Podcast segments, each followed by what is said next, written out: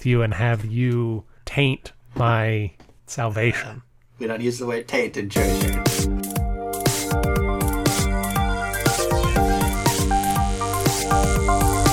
Well, I'm not a crook.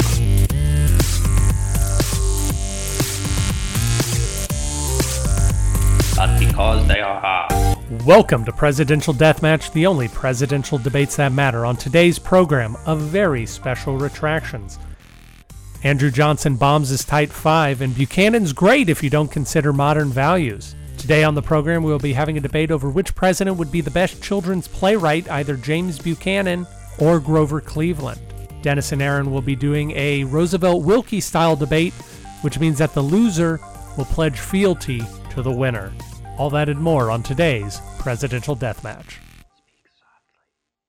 Had a, I had an eventful weekend too of us just finding things to do for the Halloween season. Carved a pumpkin. We made leftover candy cookies because I got just in case candy in case anyone decided to trick or treat at our door on the third floor of our complex. Excited because it's finally Henley shirt weather. You may see that I'm wearing my Henley shirt. I'm, I'm excited too about the, the f- autumn clothes. Yeah, finally in November we've hit sub 60 degree temperature on occasion Yeah. in Texas. I uh I assume because because you grew up in upstate New York, so you had uh, much cooler temperatures at least part of the year than we have down here. But I have always had the issue of uh, loving the cold weather and loving to wear long sleeves, but also being an extraordinarily warm person. And so it has to be cold for me to be comfortable wearing long Yeah, sleeves. I, I also I didn't realize until I was back in the north when I was in Wisconsin for a year how much I liked the seasons and prefer. Don't want to say prefer the we- weather because I do love.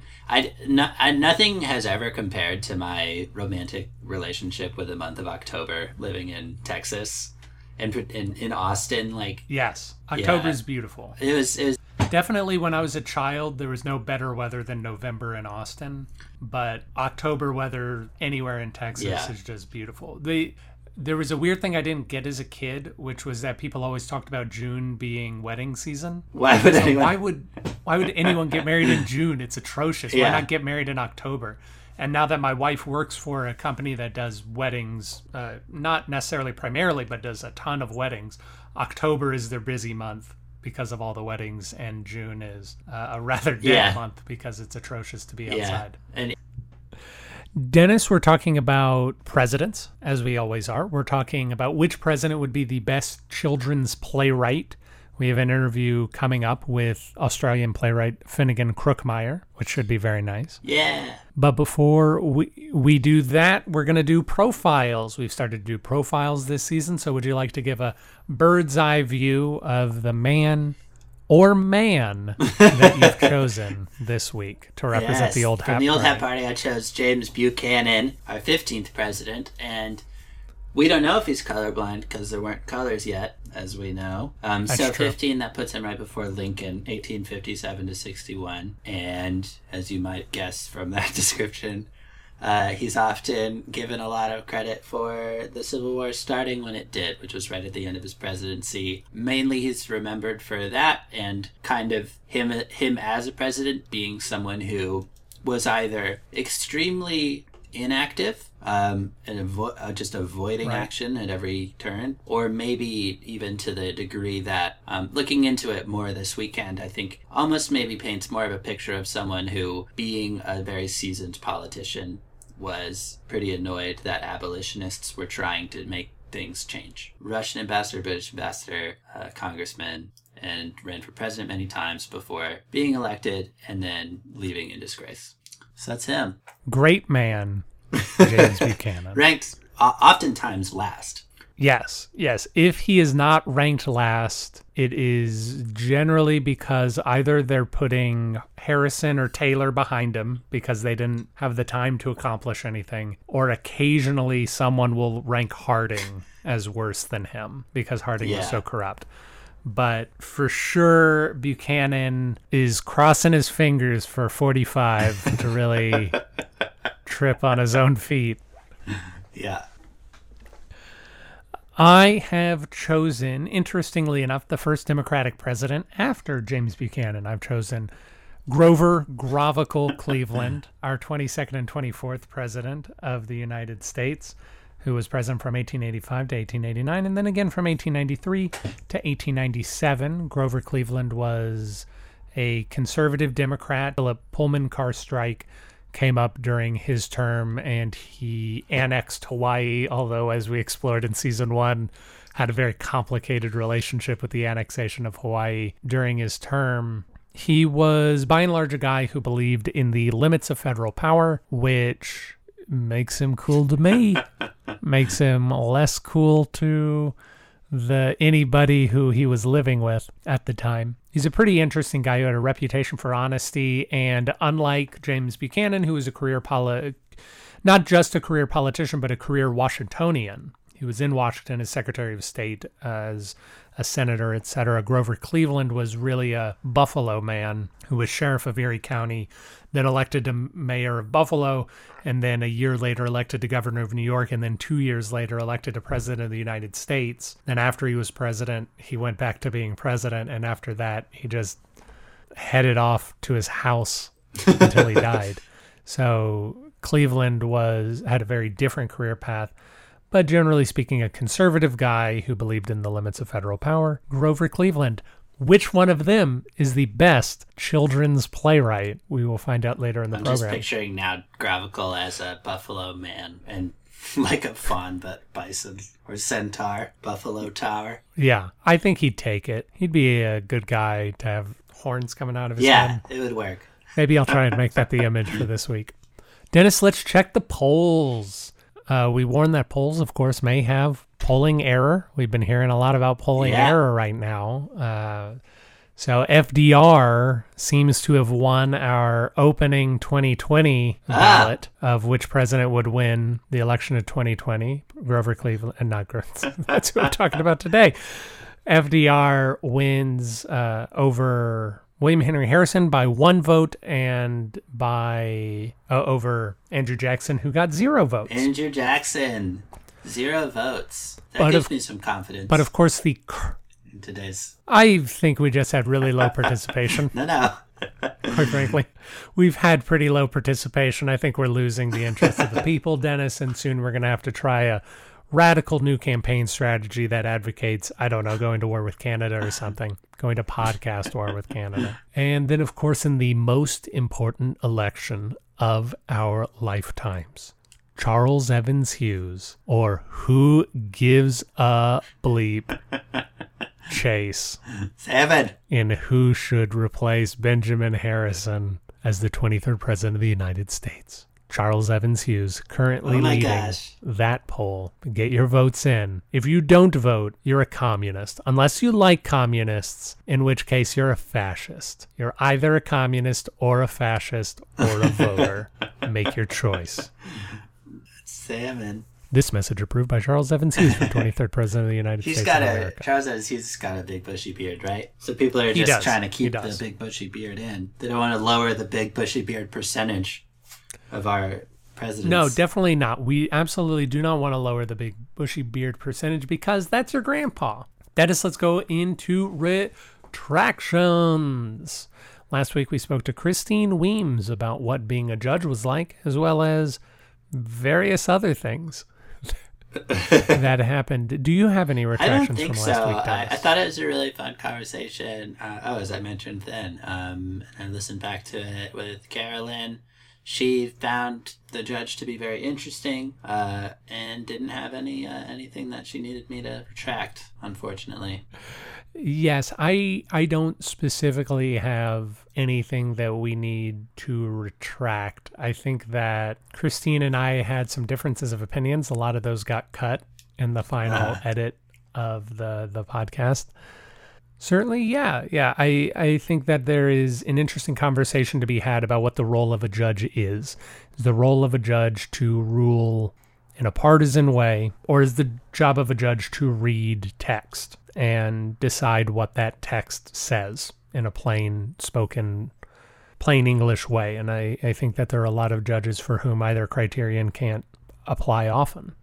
But that's not what we're really here to discuss, and I'm uh, opinionated but not well versed yeah, in the issue as so many. It's an issues. interesting thing because I mean I think like we were talking about the other day, like once you start to really get to a point where you've studied up and understand an, an issue, so in, in those instances it would be once they've dug in enough to actually understand the legal question being asked and what legal pretext there actually is, a lot of things stop being partisan at that point and really are just a matter of knowing what the law says. But then there, I, I can also understand why voting for by party in that scenario does make sense because of those rare cases where it isn't black and white. Well, I don't know how rare it is, but the times when it's not black and white and perspective actually does come into it and just you know does this shade of of of difference where the person might have a viewpoint closer to your own end up affecting you in some way. But i do think even just looking at the supreme court decisions from last weekend over time like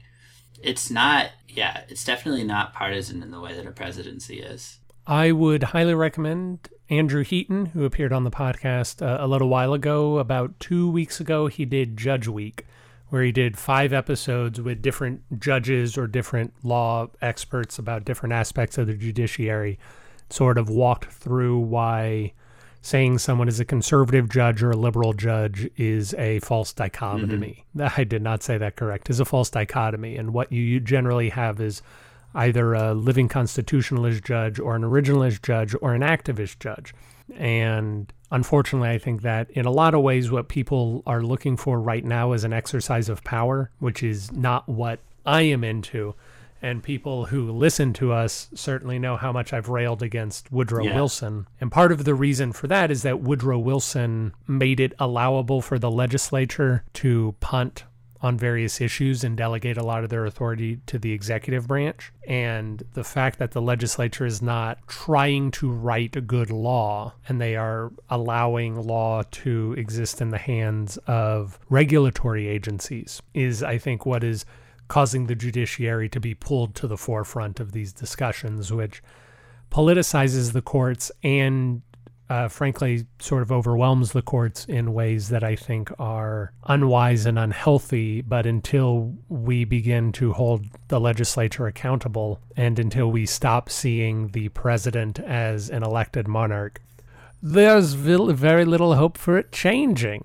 indeed And that, I did find the originalist uh, thing very interesting. Um, that I think came up a little bit last week, but that you just mentioned just now. Um, I, f- I find it interesting. I mean, it comes up a lot talking right now because with the Supreme when the Supreme Court stuff is in the news, doesn't make sense to me from a linguistics perspective. Um, well, let me let me try to tell you why why it makes sense. And I'm not saying that I think it's correct. I'm just trying to empathize with these people and give the best argument Yeah. for their position. Because I do feel like a lot of times in our modern life and in our modern political discourse, we are not granting our opponents intelligence in that we are trying to say that they are foolish or that they are dumb or that they don't know what they're talking about or that they're coming to their conclusions erroneously or with malice in their hearts. And I generally speaking don't think that's true. So, the reason for an originalist approach, which is to say you're going to read the text of a law and you are going to consider what the text of that law says. So, you could also call an originalist a textualist, and I believe that Supreme Court Justice Sonia Sotomayor said a few years ago, oh, we're all textualists now. I lost a bit of sibilance there on that textualist. I did not have the crispest that I could have. But the idea of uh, of a textualist approach, Dennis, or the idea of an originalist approach, is that in a society we need agreed upon rules, right? We all need to agree that a red light means stop. We all need to agree that a green light means go. Otherwise, there's going to be chaos. And thus, we need to abide by the law in the simplest understanding of it possible, which is the plainest reading of its language itself.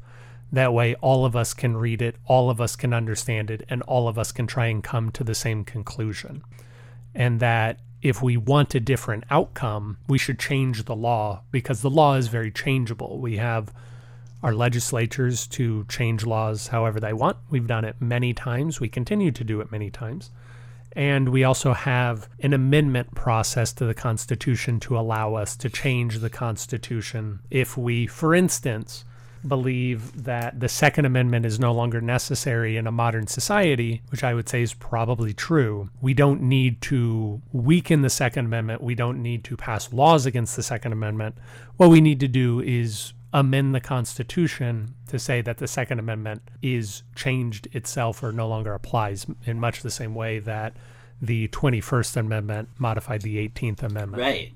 The reason behind a textual approach is that it's to allow everyone to easily understand what the rules of the game are. Yeah, I like, yeah.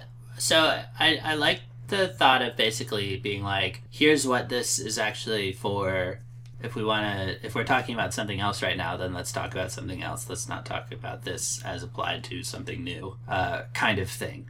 But at the same time like i'm sure everyone is doing some of that applying it to the current situation. I think that's what i struggle with like i was saying before from a linguistics perspective like everything all those old laws like might as well be written in french. Like it's a different language you know? It's like you have to translate it so you and, and you have to put it in the modern moment and say, okay, what like what was Yeah. this actually written for and stuff. So I think like as, I guess assuming that everyone has the same understanding of what it actually means and what it actually is written for, I could see how then we could say, okay, now let's talk about whether we want this to to to be expanded to cover a new situation or whether that new situation actually should just warrant a new law. Which like I think that's an interesting question. Yeah, I, I would agree with you. I would also say that there's never been a point in American history where we've said, you know, the House of Representatives and the Senate can take the next couple of years off. We think we have all the laws we need. We we elect these people and we pay them quite handsomely, quite frankly. We pay them five, six, seven times my annual salary at the very least in order to make laws. And one would hope that they are consistently repealing laws that are no longer needed, updating laws that need updating, and creating new laws as the need arises. And that we should not, for instance, keep relying on a law from the late 1800s to govern our telecommunications, which I believe we do. I believe that the uh, at least one of the government organizations is still operating under a charter based on telephone lines when now we have telephones we have internet we have cable we have all kinds of things and and this is what i mean by we are no longer holding our legislature accountable for doing their job but presidential deathmatch regrets the errors special special uh, special edition of retractions. Gosh darn it. Dennis, I had the opportunity to sit down with playwright Finnegan Kruckemeyer to talk about his life, career, and what he thinks makes a good playwright and specifically a children's playwright. That interview will begin right now. Yes, right now. Uh, well, I am speaking today with Finn Kruckemeyer, playwright extraordinaire. What sort of work invigorates you and, and what you like finding in your play, sort of what themes or ideas you find yourself returning to? Sure. Okay. Lovely start. Um, thanks very much for having me. This is really nice. And hello from far across the seas. I know there's a vast span of ocean between us, so nice to be chatting.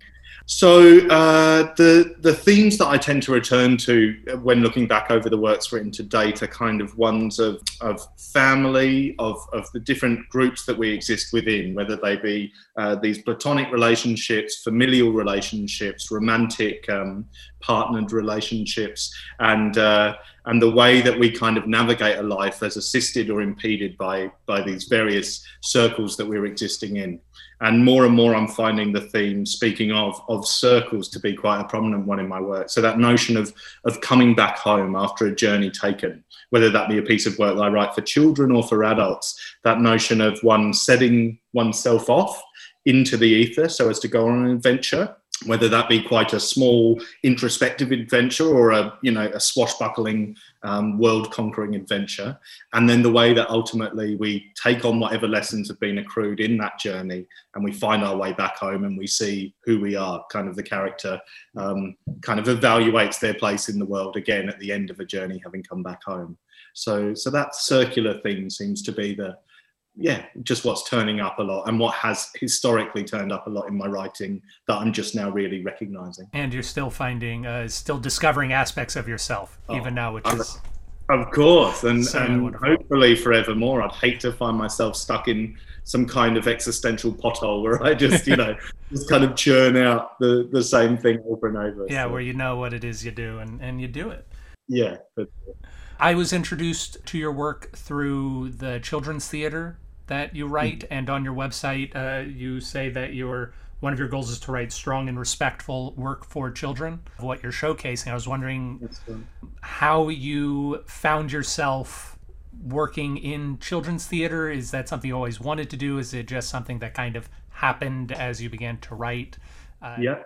Cool, cool. Um, so initially, it was quite pragmatic. I was uh, in a youth theatre company when I was kind of getting into the arts, and then my first commissions were for youth theatre companies and writing for young ensembles, generally young performers, you know, presenting work to young audiences. And uh, so I thought that was a place you begin, and then eventually I would evolve out of that, and I'd be doing the serious, the real work, which was making work for adult audiences. Stuff that makes people cry. Oh yeah, that's right. Um, oh no, that said, I was doing a bit of making kids cry. um, but yeah, thinking yeah, once you present your work to a to you know a room full of grown ups, then it's then it's you know actual serious theatre. And then ASSITEJ um, came to Adelaide, to Australia, where I live, which is the World Children's Theatre Congress that's held somewhere in the world every three years and um, and yeah, I just had this epiphanous experience being surrounded by this amazing caliber of work, talking with artists I hugely respected, and discovering that the, the the discussion being had and the work I was existing in and this ecosystem of art was all about theatre for young audiences. And yeah, had this complete about turn and started making that the focus of my next years, which isn't to say that I do still do commissions for adult theatre companies. Maybe I write a couple of those every year, but definitely the vast majority has been for young people. And as you alluded to, the conversation has been like the way that I build my website the the producers and directors I'm invariably chatting with, it is all in that kind of uh, international ecosystem of, of TYA, of theatre for young audiences. There's two opposing sides, I think. There's a pleasure and a frustration to work for young audiences. One is that it's far more socially accepted to go to the theatre when you're a young person. So vast waves of school groups will go to the theatre, whereas you know in adults it's seen often as an you know an elite or or a or a um, a particular demographic of society that would choose to engage with the theatre. Right. And I love that broad span. I love that sense of permission.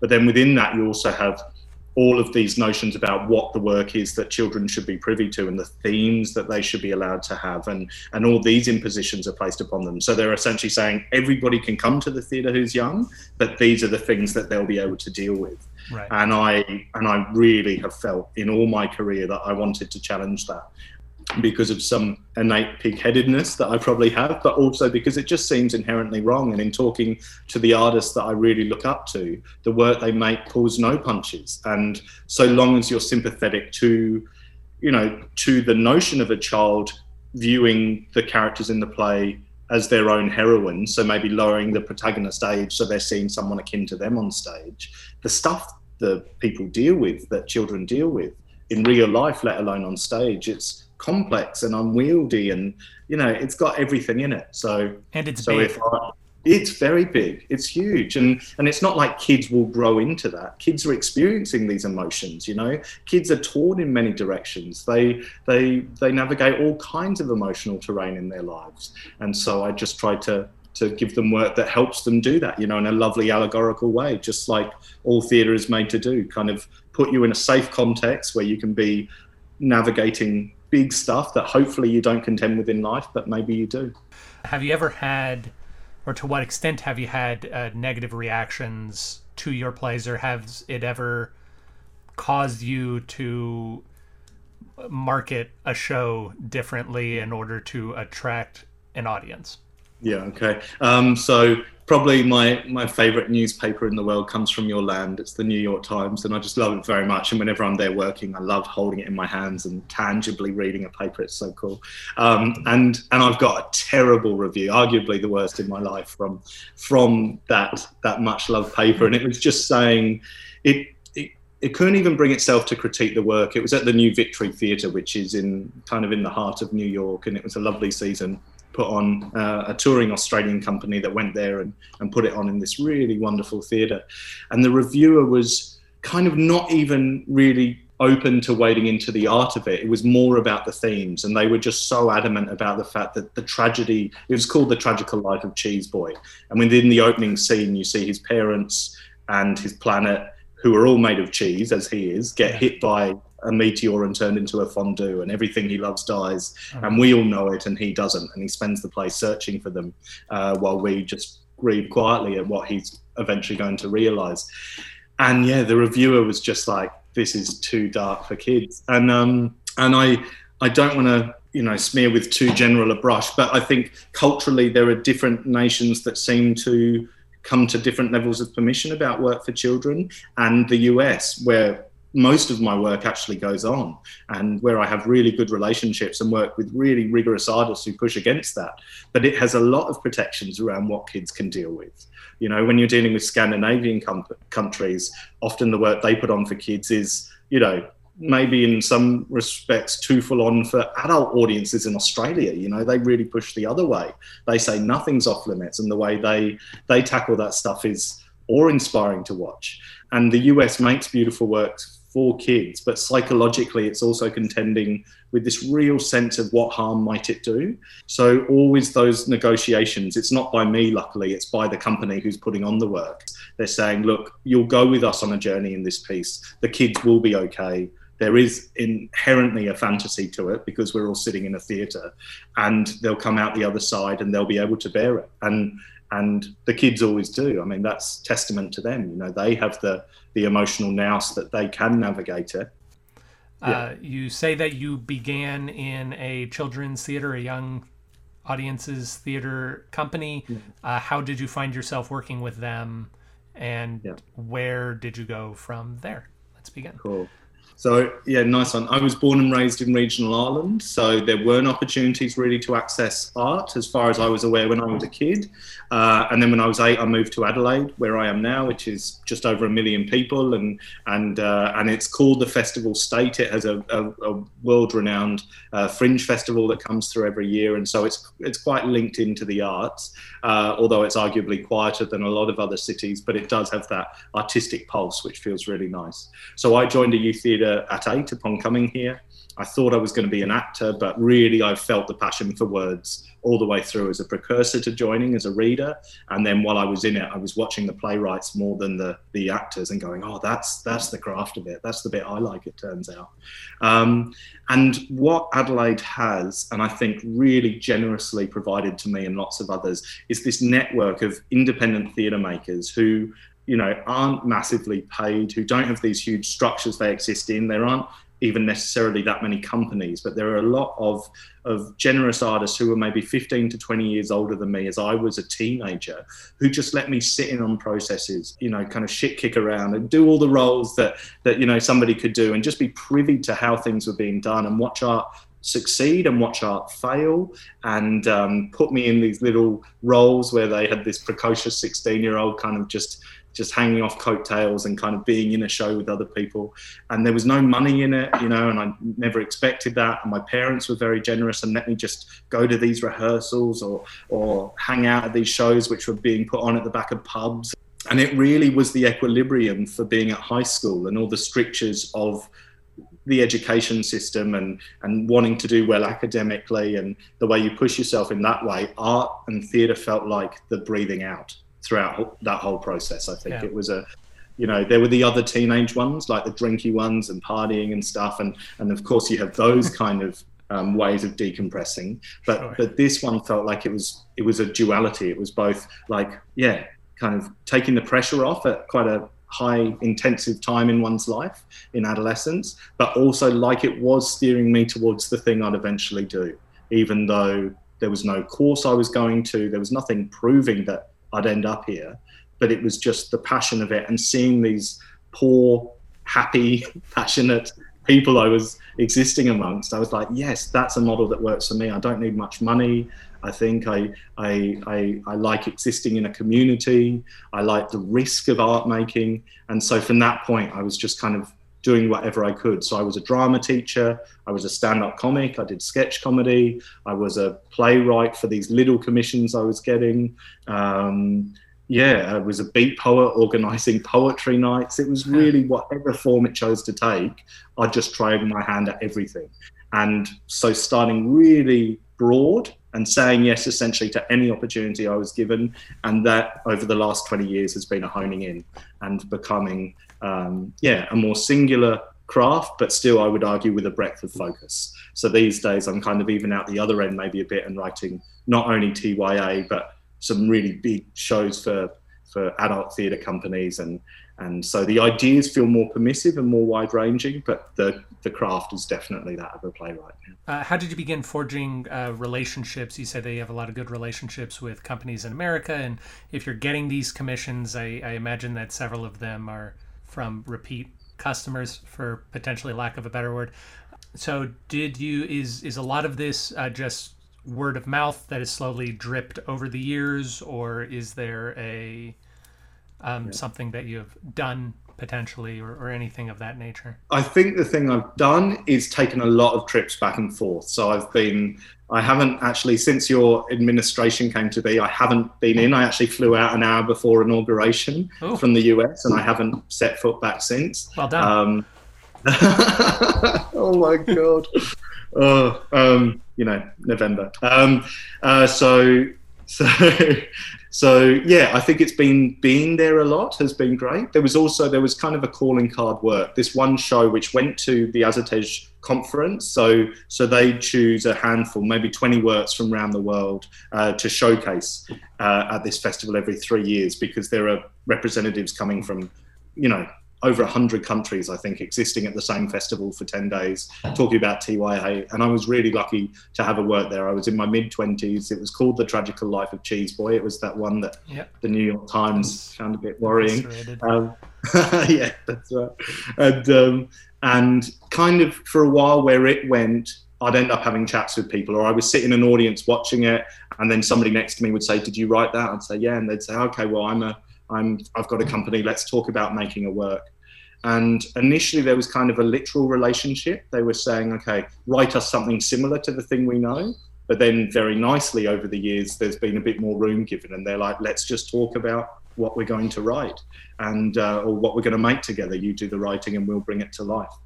And uh, so, in that way, just piece by piece, incrementally, I've kind of formed ever more relationships. And it is all that I don't want to sound flippant about it, but all of that conference festival stuff of of having drinks with lovely people and going for a meal, and um, and as well as the, the the show being the commodity, the friendship becoming the commodity. And I and I don't say that in a you know well it might sound naff, but I don't mean it in a naff way. Like I really these days my singular rule is not work with anyone I don't like really. And so now I feel I have that many friends in the US and people I've worked with or people who know of people I've worked with, that the conversation is a much more intimate one. It's not just sending emails off into the ether. It's actually referencing, you know, a community of shared people that we all exist among. And that's that's really at the heart of why it feels like without an agent or anything, I've been able to to have a career over this long. I'm very lucky. We'll just fly the flag so heavily for the Australian Writers Guild. I think I I couldn't work in the way I do without the AWG because I pay what I think is a really negligible amount of money every year. And I have this contract support and I have lawyers that I can bounce queries off. And, and I, I have just a sense of being emboldened by having a, an, essentially a union behind me and a community of writers who are far more you know successful than me who i look up to who have come through this organization and I am able to draw upon all of their knowledge. Um, you know, because of the contracts that they've made come to be and the relationships with the producers. And it doesn't mean that every American or European um, or South American producer will say, "Well, I respect what your guild says," because obviously it doesn't always work like that, and they'll push back sometimes. But it even gives me that confidence to go, "Well, these are the rates that I feel are deserved and that I'm told are are right for what I'm doing and providing you. and it just bolsters me in that way. So, so yeah, having a guild has kind of been the way that I feel I don't need to have an agent. What do you think is the uh, greatest difference, or perhaps the most impactful difference between your uh, spirit as a writer now versus your spirit as a writer when you were at the beginning of your professional career? Let's say when you, uh, I think you said about twelve years ago, is when yeah. you. Uh, um, cool, really good. Yeah, these are all great questions. Um, so I think I I was, um, you know, as as artists kicking off are, I think I was foolhardy and and a bit reckless and um, not even that dependable sometimes. Like like, ah, oh, yeah, I can think of some stuff I've done that's just super loose. Like I I was essentially a guy in his early 20s going around the world, going to conferences, and there was that whole other side of, you know, of how fun it can all be and how that can actually negatively impact upon the work. So I'm very aware of that time. Like when you were uh, a teenager and alluding to parties and drinking as well. Uh, I would imagine. Yeah, yeah, essentially, like it all, you know, if you exist in that kind of community, and if it if that is part of the way that you're navigating these years with these people, it just all bleeds kind of quite seamlessly. And and I think it's been nice to see that kind of um, uh, quietening down that has that has occurred with me and a lot of my friends over the past years, um, which sounds so ironic in the world of children's theatre. I don't know how much one would assume, but you know, like uh, there's all sides to all people. So these days, I think I'm a bit more hard-headed and still very much try to marry that with being open to any conversation I never ever want to be financially prohibitive. So if a high school can't meet my basic rates, you know, I've always said that to them. Let's talk about what you can afford, um, or a community group, or a you know whatever it is. Like, um, yeah, I think there's always a chat to be had. It should always be malleable, but uh, it has to be for the right reasons. So, so yeah, that, those are lessons I've learned which hurt a lot at the time, I think. But but that's also around the emotional sensibilities of being younger, which I think you do need to have because you need to be this this kind of reactive um, thing, you know, existing in those first years. It needs to all have an effect on you and inform the art you make and make you angry and make you happy and make you prideful and and all of those things. I think that's good. And then with time, that kind of simmers down a bit. And and also, it was helpful. I mean, this is the weird realization that you have further down the track. You know, there are lessons that have to be learned along the way. And you shouldn't come into our industry, I don't think, too guarded and too defensive and and sure that everybody's going to try to mess you over because that's not the state of things at all. Like these are real, you know, outliers when that's occurred. And so yeah, I think you have to come in that bare and open hearted and then slowly just reach a middle point which is which is sensitive to things and essentially just over the years getting a bit better more and more at um, reading by gut just knowing how a project is going to end up how a creative collaboration is going to end up uh, whether a work is the strongest it could be or whether it you know you need to refine it more before it goes out into the world. I think those are the things that you slowly get a sense of and it becomes something more innate yeah, that's right. Well, so much of art making, whatever medium we're in, one is in, is about choices. You know, like we're any so many humans are privy to all the ideas in the world. I, I don't think there are some people who are artists and some who aren't. I think everybody, if they sat down and committed enough, could write the most beautiful story. I truly believe that. Uh, and and the thing that you learn to refine is just choices, choosing what you run with and what you set aside, what you come back to later, what you reimagine because it serves a different purpose now. That that's what we're doing. And and I think learning that we're allowed to do that with our career as well as with the art that we're putting down is is quite a nice a nice observation to have and to kind of guide you on. Well, thank you so much. I feel like I've taken uh, much more of your time than I said I would at the beginning, uh, but, but I really appreciate the conversation. If yeah, people are interested in your work, presumably the best thing to do is to go to your website and contact you about it. Yeah, imagine if after all this, I'm like, yeah, please don't contact me. yeah, I do not. I hate interacting. and um, yeah. oh, I'm sorry. Uh, and I, I'm tempted to ask what might be. Um, a representative like where a person should begin with your work but based on what you said earlier it seems to be a conversation between uh, what yeah. the the audience needs to what the person may need to read in a moment and what you have to offer Uh, yeah, absolutely. There is um, there's a lovely publishing house um, for theatre for plays in Australia called Currency Press, and they just very nicely. I'm still very touched by this. Released an anthology of, of my plays. So there's there's five plays put together called For We the Young, and um, which is hopefully an inclusive statement and alludes to the fact that youth is is not exclusively owned by an age demographic. Um, and uh, yeah, so if you wanted just to read five works for young audiences, that's kind of a compendium of those. But um, yeah, whatever suits. Well, thank you so much. Uh, I've been speaking with uh, Finnegan Kruckemeyer. Cheers. Have a good one. Thank you. You too. Welcome back to Presidential Deathmatch featuring Dennis Buddy and Aaron Garrett. Today we're going to argue which president is going to be the best children's playwright.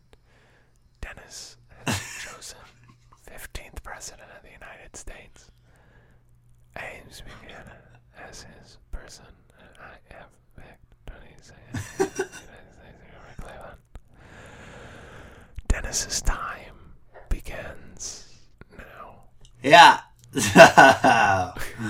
uh, James Buchanan. So when we think of playwrights, one of the interesting things from that interview, and sorry, my mic cut out for the interview, um, but uh, is uh, one of the things that I thought he was getting at, or I thought was interesting, um, that I ascertained was that it's about your own experience and it's about self discovery. So as a writer, he kind of even opened by saying he's growing, he's changing constantly, and it's actually a, that is the process of creating plays, is the process of learning more about himself and digesting his experience through what he creates.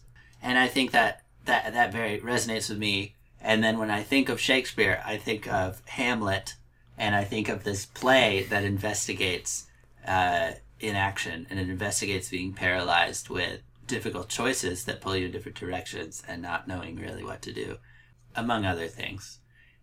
And so then that makes me think that Shakespeare must have really had an intimate experience with that. And doesn't it make sense that playwrights could often end up in this place, and people in general, where they don't know how to digest something, they don't know how to make cho- the choices that they want to make, or maybe they, they, they wish they could be making choices um, that they don't feel that they have the courage to make. And that angst comes through in the art that they create. Uh, and I, I think that's a common experience as old as the Victorian and Elizabethan days. And of course, Buchanan reflects this very much so. And so I think that his plays must have been where he did in fact release this angst as a very, as a president who, as I mentioned earlier, really didn't do much uh, in terms of the Civil War uh, and ended up causing it because of all that tension that was there, doing nothing to help it. And at the end of his uh, life, his niece burnt a lot of his letters. Uh, and who's to say that wasn't also a lot of his plays? So we don't know. Maybe he really was a playwright for children. Well, Dennis, I want to begin by congratulating your bravery on not mentioning your candidate's name until a hundred seconds into your argument for him. I, I, I try to start with truth. and then Uh, so, one of the major things that I think came out of that interview with Finn and kind of comes out, you'll hear it come out anytime when we're talking about artists, is the the need for something to say.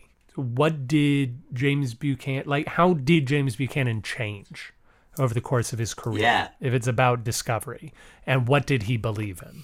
Yeah. So as I was saying earlier, I think that he believed that things could happen peacefully, but not if there kept being so much conflict. Which, if we try to ignore how it looks from today and also how it looked at the time, he was he was he was like uh, upset with the way that abolitionists were like, we need to change now. And so what he thought was the solution was to kind of make everyone say, no, no, all is well. Stop. Like, let's just let things take their natural course. He made, when he did make choices, it was often uh, behind the scenes kind of kind of borderline corrupt kind of pl- playing of things and getting people that he liked in his cabinet and all that kind of stuff so that he could quietly try to make any abolition steps not happen. Yeah, you're sort of saying Buchanan uh, is one of those anti-revolutionary playwrights, sort of like the one of those middle of the road. Let's keep things the way they are playwrights, like Rent or Hamilton. Uh, you know, any of these very common things is like takes a big stance on the middle.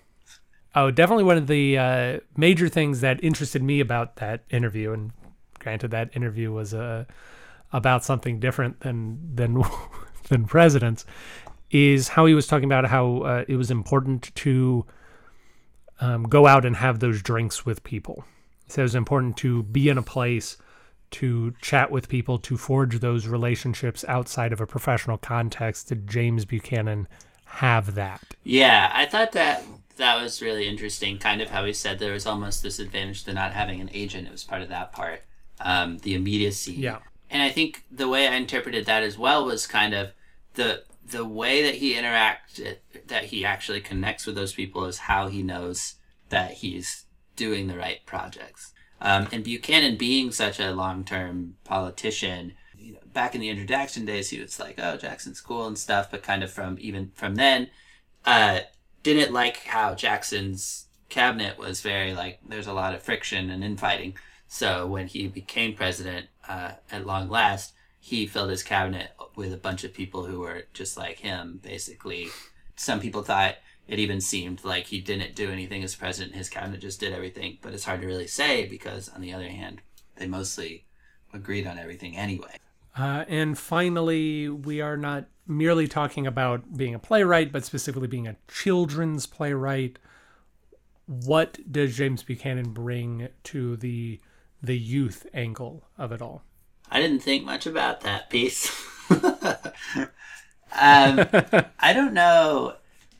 Well, I thought that an interesting kind of point that he made, the playwright made, um, was that like one of the first things you need to do if you want to write children's plays is take children seriously and um, mm-hmm. and think of it more just as something that like that that they can well I don't know take seriously grow grow through that that adults will be have respect for you're not writing something that like you know and don't underestimate kids and stuff like that um and while he was a, a lifelong bachelor I think um, it'd be interesting with that considered to see him put a play together, something like that. Um, or if we were able to find the plays that were burned that I'm right. bringing up.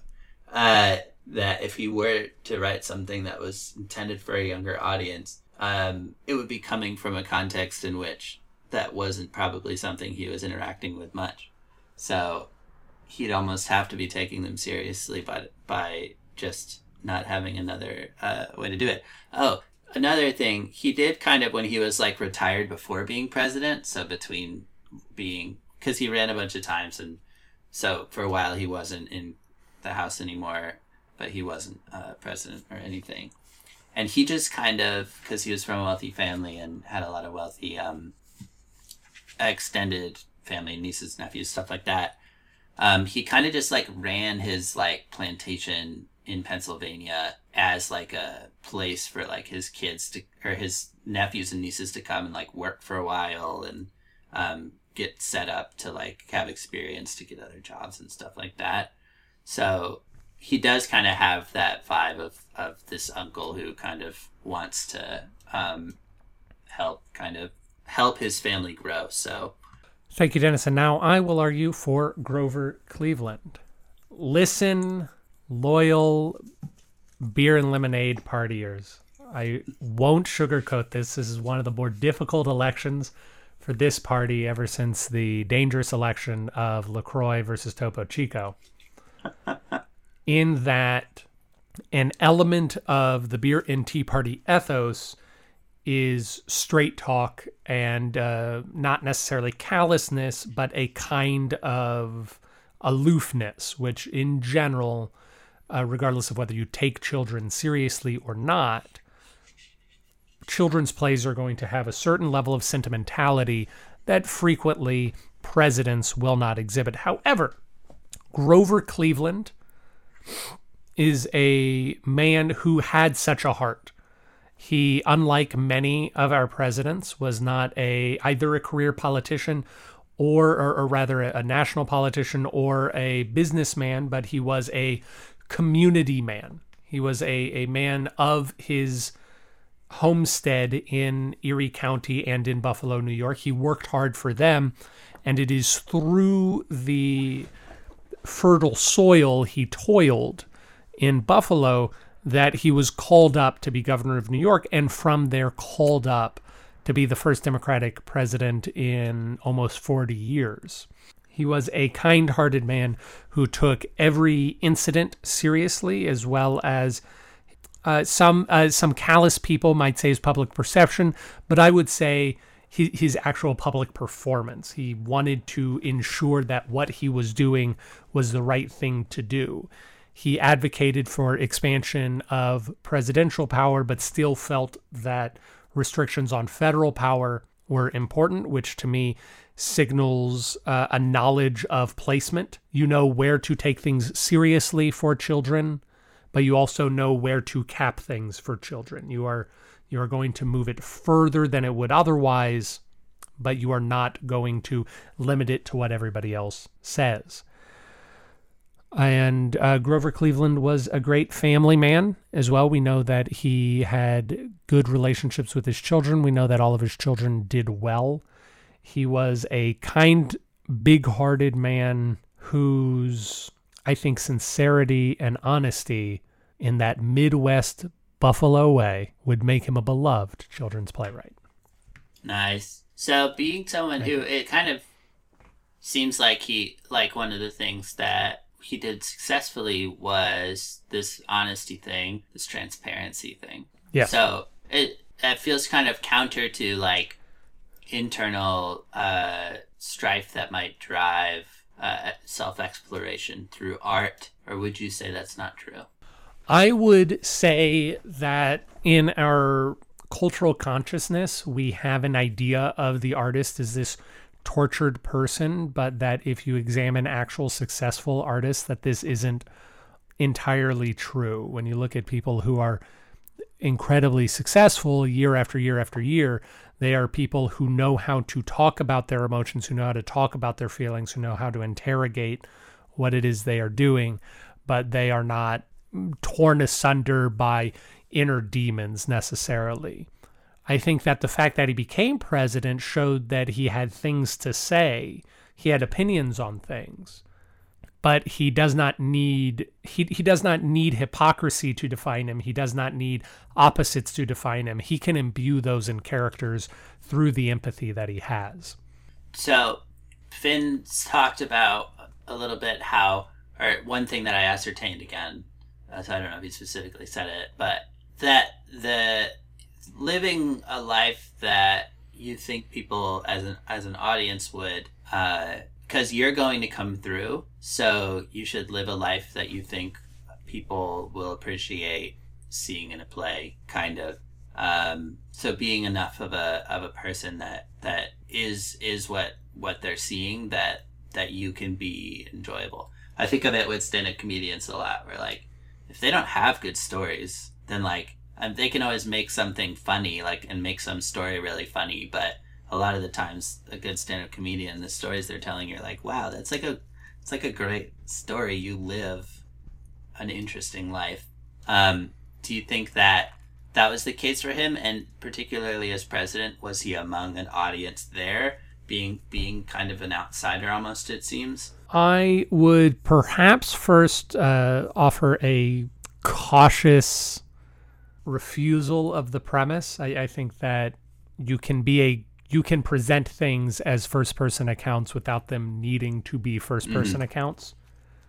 Uh, and in fact, many stand up comedians, if we're going to talk about stand up comedians, talk about their character that they are playing on stage. A lot of them use that language specifically. They don't say, I'm up on stage. They say, I have crafted this character. That being said, I don't think that you win the popular vote three elections in a row, which Cleveland did, without having a, a, level of a following, especially when you're a, a Democrat in a heavily, you know, in the uh, post Civil War America where tensions are pretty high in regards to political affiliation.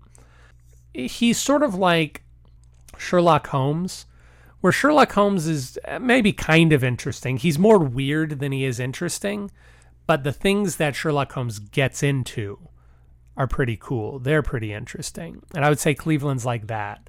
The circumstances surrounding what Cleveland did are perhaps more interesting than than Cleveland's personality himself, but I think that allows him to be a good writer.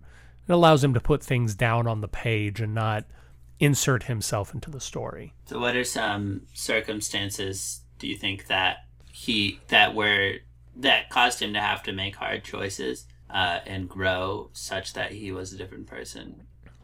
Kind of like you asked me. Oh, yeah. I mean, there there were plenty. Um, the Pullman car strike. So this is we could argue that's the big tech of its day. Railroads are allowing uh, unprecedented connection within America, and the railroad workers are refusing to work because they feel like they have unfair working conditions, and Cleveland has to decide whether it is in the national interest to squash a workers' movement in order to allow in order to allow business as usual to continue, which he does. There's also the annexation of Hawaii, which, like I said, we, we talked about frequently, where Cleveland was opposed to the way that Hawaii was brought into uh, the Union as a U.S. territory. He sought to get the appropriate information about it. He got it. He brought it to the American people, and the people uh, sort of all said, "Yeah, you're right, but we're not going to pay to fix that mistake." I mean that I, I don't see how you can be a person without that affecting you. Uh, perhaps the biggest thing is that uh, we often forget that term limits were not a thing prior to 1952. Grover Cleveland wants to run for a third term. This would have been the fourth election straight that he ran on the Democratic ticket, but his opposition to free silver and his backing of the gold standard, which uh, we don't have time to get into monetary policy right now, but essentially, if you backed gold, it was sort of anti farmer, which is anti working man. If you backed silver, that was pro worker, pro farmer. And if we want to dig into that in retractions next week, Dennis, please let me know because it's a, a fascinating topic. But essentially, in order to preserve the American economy, Grover Cleveland uh, repudiates silver. Uh, he refuses to follow through on this sort of worker demand, and uh, is is rejected by his own party, uh, who nominates William Jennings Bryan for the first time. And William Jennings Bryan is a 36 year old firebrand. You know, it, it's a major rejection of him. And, and again, that can't be an easy decision that you can't go through that without having been changed. And uh, not to make this too personal as opposed to, um, uh, as opposed to political, but his first daughter dies quite young, 10, 10 years old, I think, maybe 13. And uh, just knowing what I know about child mortality, you certainly can't go through that situation without having been changed. Indeed. Well, alrighty. I think that was three from me as well. Indeed. And we want to briefly discuss the candidate from the People's Party. Yes. That being Andrew Johnson. Andrew Johnson.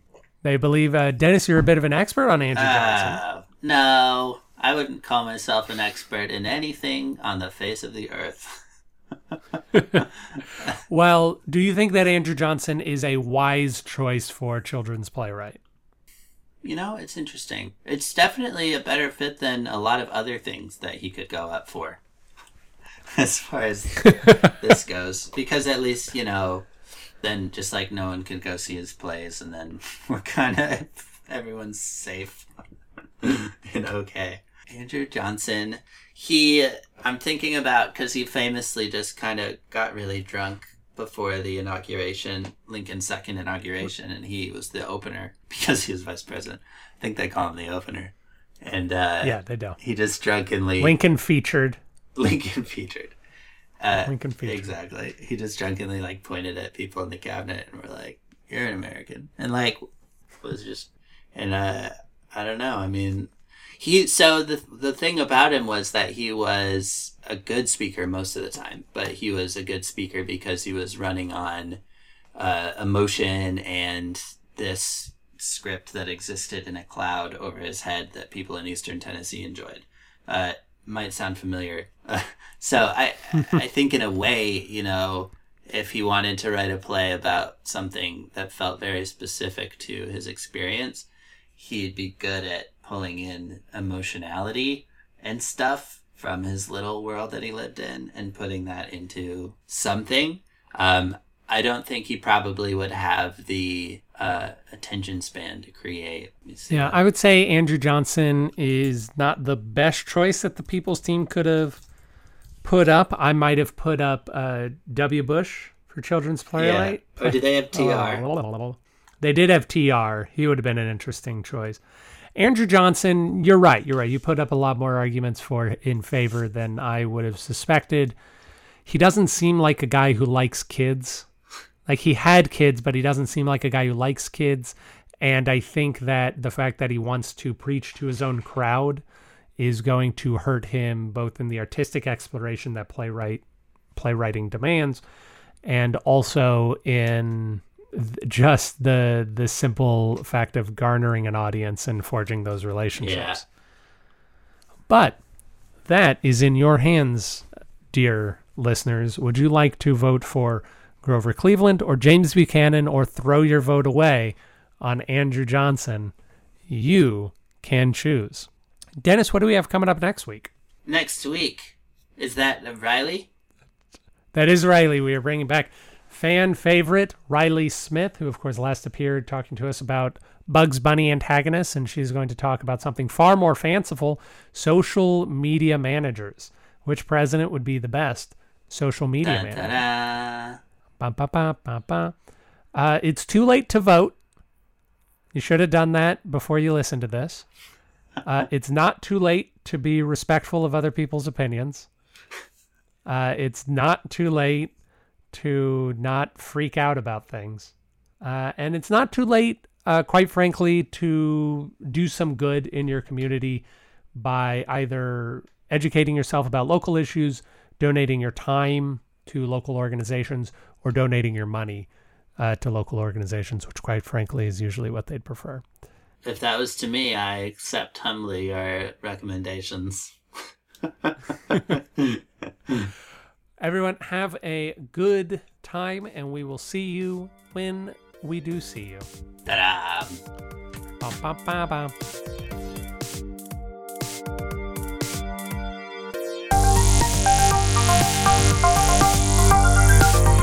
Thank you for listening to Presidential Deathmatch. Presidential Deathmatch is a production of Pronoia Theater. You can find more out about us at pronoiatheater.com. This program was edited by Aaron Garrett with music by Dennis Buddy and hosted by those same two lovable goofballs. You can always email us at contact at pronoiatheater.com. If you enjoyed the program, we ask that you rate and review wherever it is you found us. It really helps us out. And if you didn't like the program, why don't you stick around? We really grow on you.